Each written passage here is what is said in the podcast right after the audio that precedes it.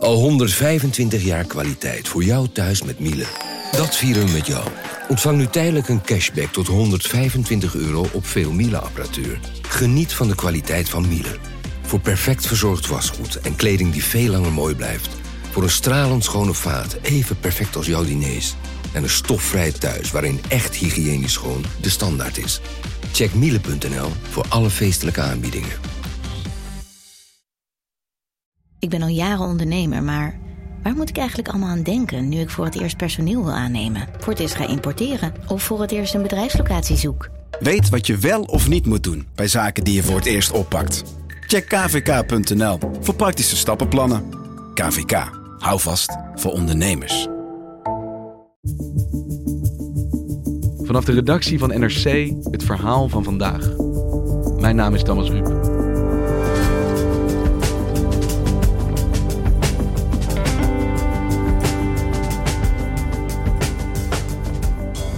Van de filmcarrière van Woody Allen is sinds een paar jaar weinig over. De filmregisseur wordt beschuldigd van seksueel misbruik. Toch staat hij deze maandag in Carré. Als klarinetist in een jazzband. 83 jaar oud. Een tweede leven voor een gevallen filmmaker of een hobbyproject van een wereldvreemde oude man.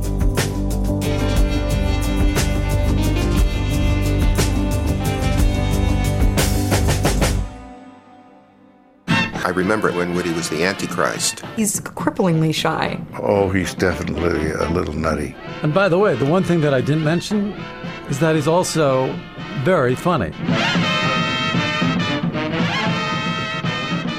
Nou ja, zoals elke maand spitte ik de, de concertagenda door. En toen viel mijn oog op, uh, op de naam van Woody Allen. Ja, jazzmuzikant dus ook. Uh, wist ik eigenlijk wel. Amanda Kuiper is muziekjournalist en schrijft vooral over jazz en popmuziek. Maar um, ja, ik had er nooit echt goed bij stilgestaan dat hij ook uh, op tour ging. Dus ik ben dat gaan uitzoeken en toen bleek er een tournee te zijn van acht uh, concerten. Ja, dat fascineerde mij enorm. Hij speelt jazz, wat, wat speelt hij? Hij speelt klarinet en dat doet hij eigenlijk al um, uh, van jongs af aan. Hij speelt elke maandagavond in een hotelbar in New York. Het is een van zijn hobby's. En uh, ik was voor interviews in New York. Ik ging naar wat uh, jazz-interviews doen voor, uh, in het kader van North Sea Jazz Festival. En ik bedacht me, hey, eens kijken of ik op zo'n avond, als hij inderdaad optreedt in die hotelbar, of ik daarbij kan zijn. En dat lukte dus ook? En dat lukte. Want waar is Woody Allen nou bekend mee geworden? Nou ja, natuurlijk als regisseur. Um, hij heeft uh, 24 Oscar-nominaties uh, en vier Oscars.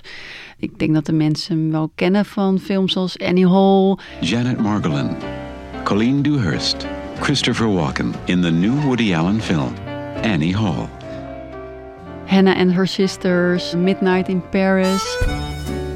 Mean, this, this is unbelievable. There's no city like this in the world. You're in love with a fantasy. I'm in love with you. Die films hebben een, een typische tragicomische stijl. Het zijn altijd de koppels die uh, elkaar op een andere manier helemaal niet meer begrijpen. En uh, ja, hij heeft natuurlijk met zoveel mensen samengewerkt.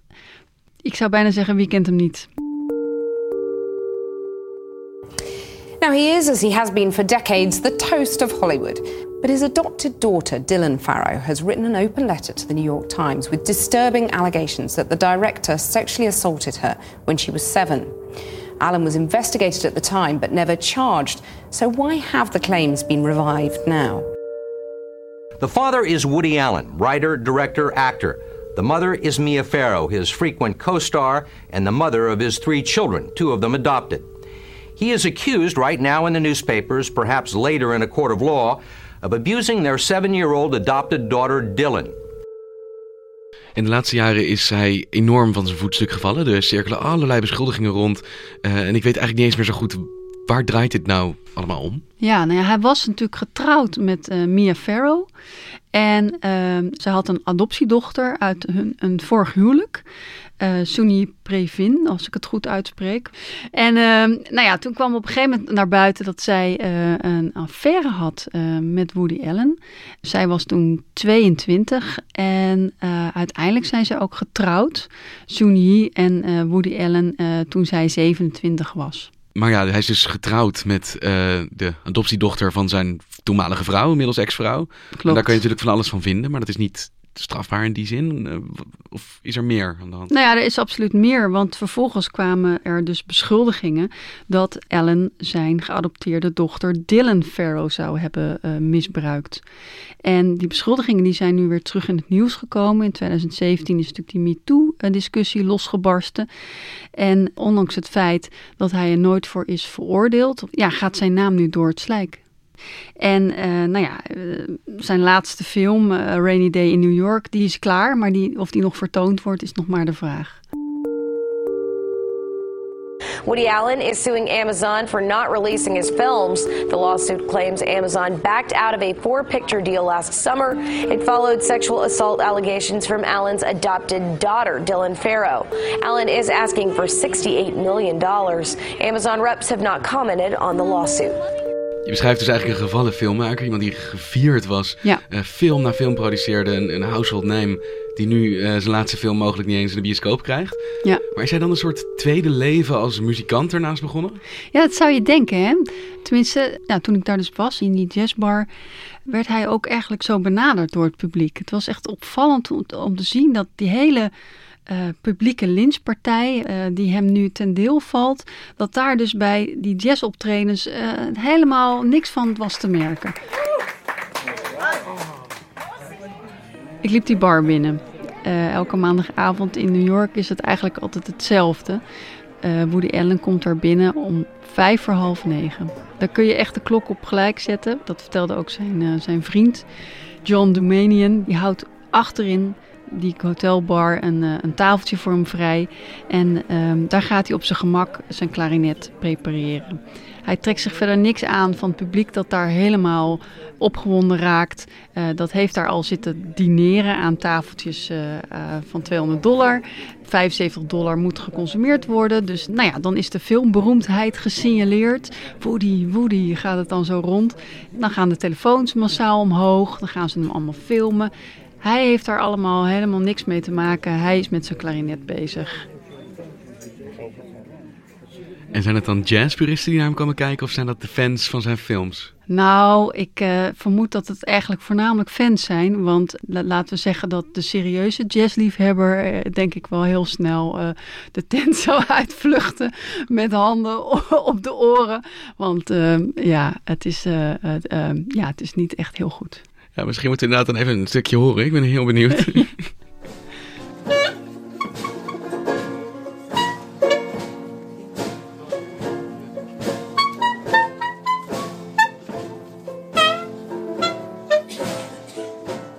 oh god. Ja, ik had je misschien even moeten waarschuwen. Nee, grapje, maar hij, hij perst de noten er echt uit, hè? Het, het zijn bijna geen nootjes, het zijn een beetje kraakjes gewoon... Ja, nou ja, gaandeweg het concert wordt het wat beter. Dan, dan wint hij aan, uh, aan kracht en aan, aan zuiverheid. Maar het is een even wonderlijke als fascinerende gewaarwording hoe die profmuzikanten zich inhouden. En hij als het ware als een soort van steramateur op vleugels van enthousiasme omhoog wordt getild. Het is een, een beetje moeizaam is het.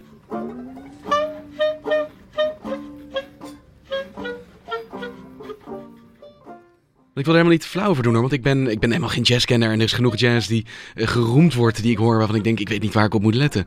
Maar als ik dit hoor, dan klinkt ja. het stiekem wel een klein beetje zielig. Nou ja, dat is, dat is zo wonderlijk, want hij, hij, uh, uh, ja, hij, hij, sluit dan zijn ogen en dan, dan gaat hij heel erg vol met opgetrokken schouders enorm in dat liedje. En er zitten, nu hoorden we een, een ballad, maar er zijn ook hele uptempo stukjes. En dan gaat hij uh, nog meer uit zijn dak.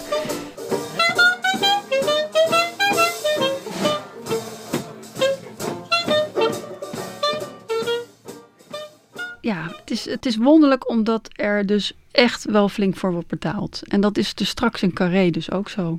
Ja, want eh, hoe wordt er dan gereageerd na afloop van dit concert? Zijn dat dan uh, ontgoochelde is, mensen die 200 nou dollar hebben betaald voor iemand die een paar piepjes uh, sluikt? Of? Ja, nou in tegendeel zou ik willen zeggen. Het publiek klapt sowieso. Ze vinden hem fantastisch. Ze zien een beroemdheid in actie. Een, een celebrity die daar zomaar benaderbaar is, vlakbij, uh, voor hun neus zit te spelen. En ja, het lijkt wel of het ze niet echt uitmaakt. ik, heb er, ik heb me er echt over zitten verbazen. En jij was in New York, dus je bent bij dit concert geweest en ja. je hebt hem ook gesproken. Ja, de volgende dag uh, had ik een uitnodiging gekregen om uh, bij hem thuis langs te komen. Want ik weet, hij is nou ja, een notoren kluizenaar eigenlijk. Um, maar hij wilde nu wel een interview geven. Er waren natuurlijk ook gewoon shows te verkopen. Uh, want ja, naast, naast Amsterdam is hij ook in Brussel, is hij ook in Barcelona. En hoe worden dat soort afspraken gemaakt? Want het is iemand die natuurlijk de hele wereld eigenlijk wil spreken, maar dan met name over iets anders. Ja. Uh, hoe gaat dat dan, dat contact? Um, het werd wel duidelijk dat het enkel over muziek mocht gaan. Van tevoren werden natuurlijk alle, alle voorwaarden besproken. Ik moest vragen voorleggen al, uh, die ze dan uh, ja, zouden goedkeuren, neem ik aan of zo. In ieder geval was, was men akkoord. Ja, want nu zit je tegenover een man uh, nou ja, waar de hele wereld in ieder geval mening over heeft. Ja. En jij ook, want jij hebt hem de avond ervoor horen spelen. Ja, en die was overigens verre, verre van intimiderend, moet ik zeggen. Uh, 83 jaar, klein vond ik hem. En ik vond hem ook vrij broos. Echt wel gewoon een man op leeftijd die... Uh, ja, um, met gaten in zijn trui en een beetje morsig, eerlijk gezegd. Een beetje was hij. Uh, en buitengewoon vriendelijk. En je had hem een dag eerder horen spelen en je vond het niet al te best. Ja. Hoe gaat zo'n interview dan? Nou ja, het leek me niet de beste binnenkomer om, uh, om daarmee te beginnen. Maar ik dacht, uh, ik ga gewoon, uh, ik benader hem even echt als een, als een, een muzikant. En ziet hij zichzelf ook zo? Ziet hij zichzelf als een professioneel muzikant? Nou, het beviel hem wel dat ik hem uh, kwam ondervragen over muziek. Maar uh, hij vindt zichzelf absoluut geen, uh, geen goede muzikant. Hij, hij noemt zichzelf in interviews ook vaak amateur. En ook in dit interview deed hij er eigenlijk vrij nonchalant over. We used to play, um, you know, at our house in the living room, just for fun. Yeah. And then they wanted to play in the public. I myself don't care. I'd be happy to play in the house. Yeah. You know, to me it's like a weekly card game or something to meet to just for fun. Mm-hmm. You know, it's uh, fun to, to play jazz. Ja, ja. Het maakte hem eigenlijk helemaal niets uit dat hij op tournee ging. I don't care if I go on tour or not. I mean, uh, the people around me wanted to go on tour. My wife likes to see the different countries, and the guys in the band like to go on tour, and uh, they offer us good venues and good money to go on. So you know, I don't care if the tour get cancelled tomorrow. Dan moeten we dit gewoon een beetje zien als een oude man die met zijn vrienden uh, de wereld overtoert en uh, niet al te succesvol muziek ja, maakt. vrienden, vrienden. No, no, no, I'm not friends with any of them. No? No, I mean, uh, I just see them Monday night and we play and then I don't see them during the week. Okay. Yeah. They were, they're all very good musicians. They have many jobs. And, you know.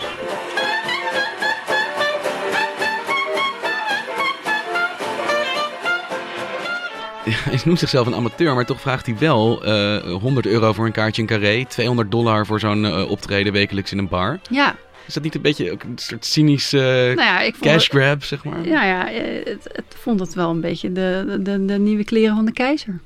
Ja, want hij denkt van, ja, mensen komen toch wel, dus het maakt eigenlijk niet zoveel uit. Dus ik kan ook die hoge prijzen ja, vragen dan. Ja, nou, mensen willen, het, willen, willen graag uh, Woody Allen aan het werk zien. En ze, het is een toegewijd publiek en dat kent hem van films. Maar nou ja, er is denk ik ook gewoon iets als de Woody Allen BV. Er is natuurlijk gewoon een soort entourage. Mensen die hem adviseren van dit moet je wel doen, dit moet je niet doen. Uh, ik denk dat er gewoon ook mensen zijn die het wel een slim ideetje vonden om uh, dit soort concerten te gaan doen. Omdat het gewoon een goede verdienste is. Ik denk ook dat hij oprecht denkt dat hij daar andere mensen een plezier mee doet. Maar voor hem hoeft het niet zo heel erg. Is dat een soort van bubbel waar je op een gegeven moment in terecht komt als filmster misschien ook wel? Dat je laat je omringen door mensen die je alleen maar aanmoedigen eigenlijk en alles wat je wil. Terwijl jij als buitenstaander zegt, ach man, hou toch op alsjeblieft. Ja, nou ja, licht. Ik heb in ieder geval zelf ervaren dat, dat hij eh, in een vrij beschermde... Je hebt het over een bubbel. Ik denk dat het inderdaad een vrij beschermd uh, uh, leven nu is. Uh, ook de manier waarop hij zo'n concertje aanpakt. Dat, dat, dat doet hij op een, e, op een hele rare onverstoorbaarheid of zo. Hij heeft een soort geveinsde aanwezigheid om maar geen contact te maken met anderen.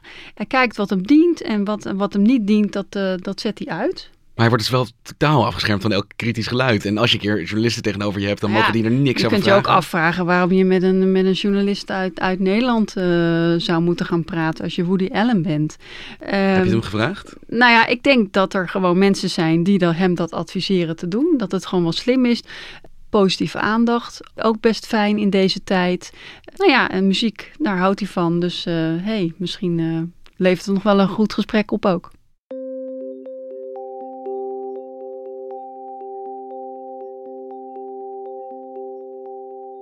En je mocht dus niet naar MeToo vragen, maar natuurlijk het gevolg daarvan is die gesneefde filmcarrière. Is dat nog enigszins ter sprake gekomen? Hij had een kleine hint op een gegeven moment. Toen vroeg ik hem naar of hij interesse had in het maken van een muziekfilm. Nou, toen, toen, toen, was hij helemaal enthousiast geraakt, want hij had altijd al een film willen maken over Sidney Bechet, um, zijn oude held. En uh, die had zo'n waanzinnig uh, interessant, rijk leven gehad met heel veel uh, avonturen. En nou ja, daar was hij uitgebreid over aan het praten. En toen uh, toen zei ik van, nou ja, waarom gaat u dat dan niet doen? Want u klinkt heel enthousiast hierover. Toen zei hij, nou, uh, dat, uh, dat zou een, een te omvangrijk project zijn. Want dan zou ik moeten filmen in Parijs en in New York. Waardoor het heel kostbaar zou zijn. En toen zei hij, ja, maar en zoveel miljoenen, ja, dat krijg ik nu echt niet meer bij elkaar.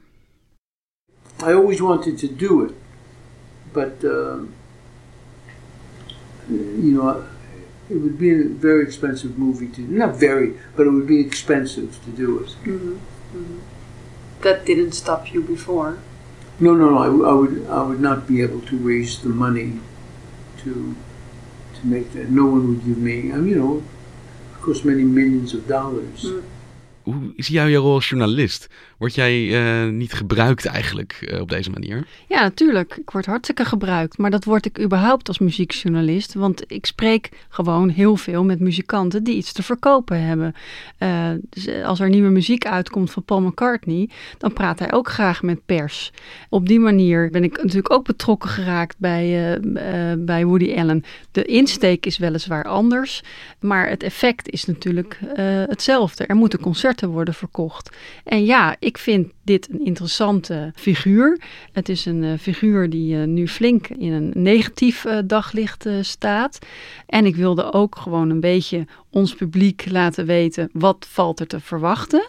Hè, ik zei net al een beetje de, de nieuwe kleren van de keizer. Ik voelde me een beetje na dat concert, nou ja, niet belazerd, omdat ik wel al had gezien op filmpjes natuurlijk dat het niet zo heel veel voorstelt. Maar ik schrok er toch best wel van. Los van het feit dat het gewoon niet zo'n heel goede muzikant is, uh, is het ook gewoon een oude meneer natuurlijk aan het worden. Die, um, nou ja, gewoon de kracht er misschien ook niet meer zo voor heeft. Ik denk eerlijk gezegd dat hij niet meer uh, uh, dit soort shows zou moeten gaan geven op zo'n hoog niveau is het, is het een droom van heel veel muzikanten om op maandagavond als een soort vast kaartavondje met je vrienden uh, in een hotelbar uh, te kunnen jammen. Natuurlijk, weet je wel, zo wil elke jazzmuzikant uh, oud worden. Um, maar ga je dan ook vervolgens nog op een chique tournee met kaarten aan 150 euro? Ik weet niet hoor. Volgens mij moet iemand dan op een gegeven moment zeggen: joh, zo is het wel mooi geweest. Dus ga jij er dan weer heen maandag in Carré? Uh, nee, ik heb het heel druk. Ik moet mijn haar wassen en alles.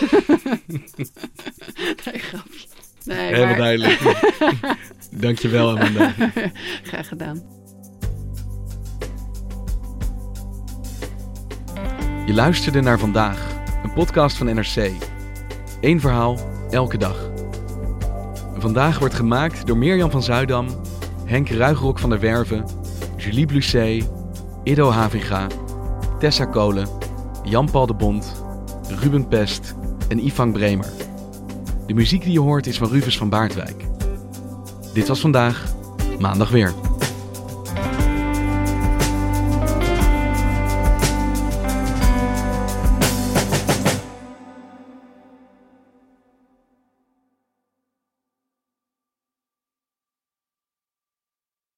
Technologie lijkt tegenwoordig het antwoord op iedere uitdaging. Bij PwC zien we dit anders. Als we de potentie van technologie willen benutten, kunnen we niet zonder een menselijk perspectief. Human-led, tech-powered noemen we dat. Ga naar pwc.nl.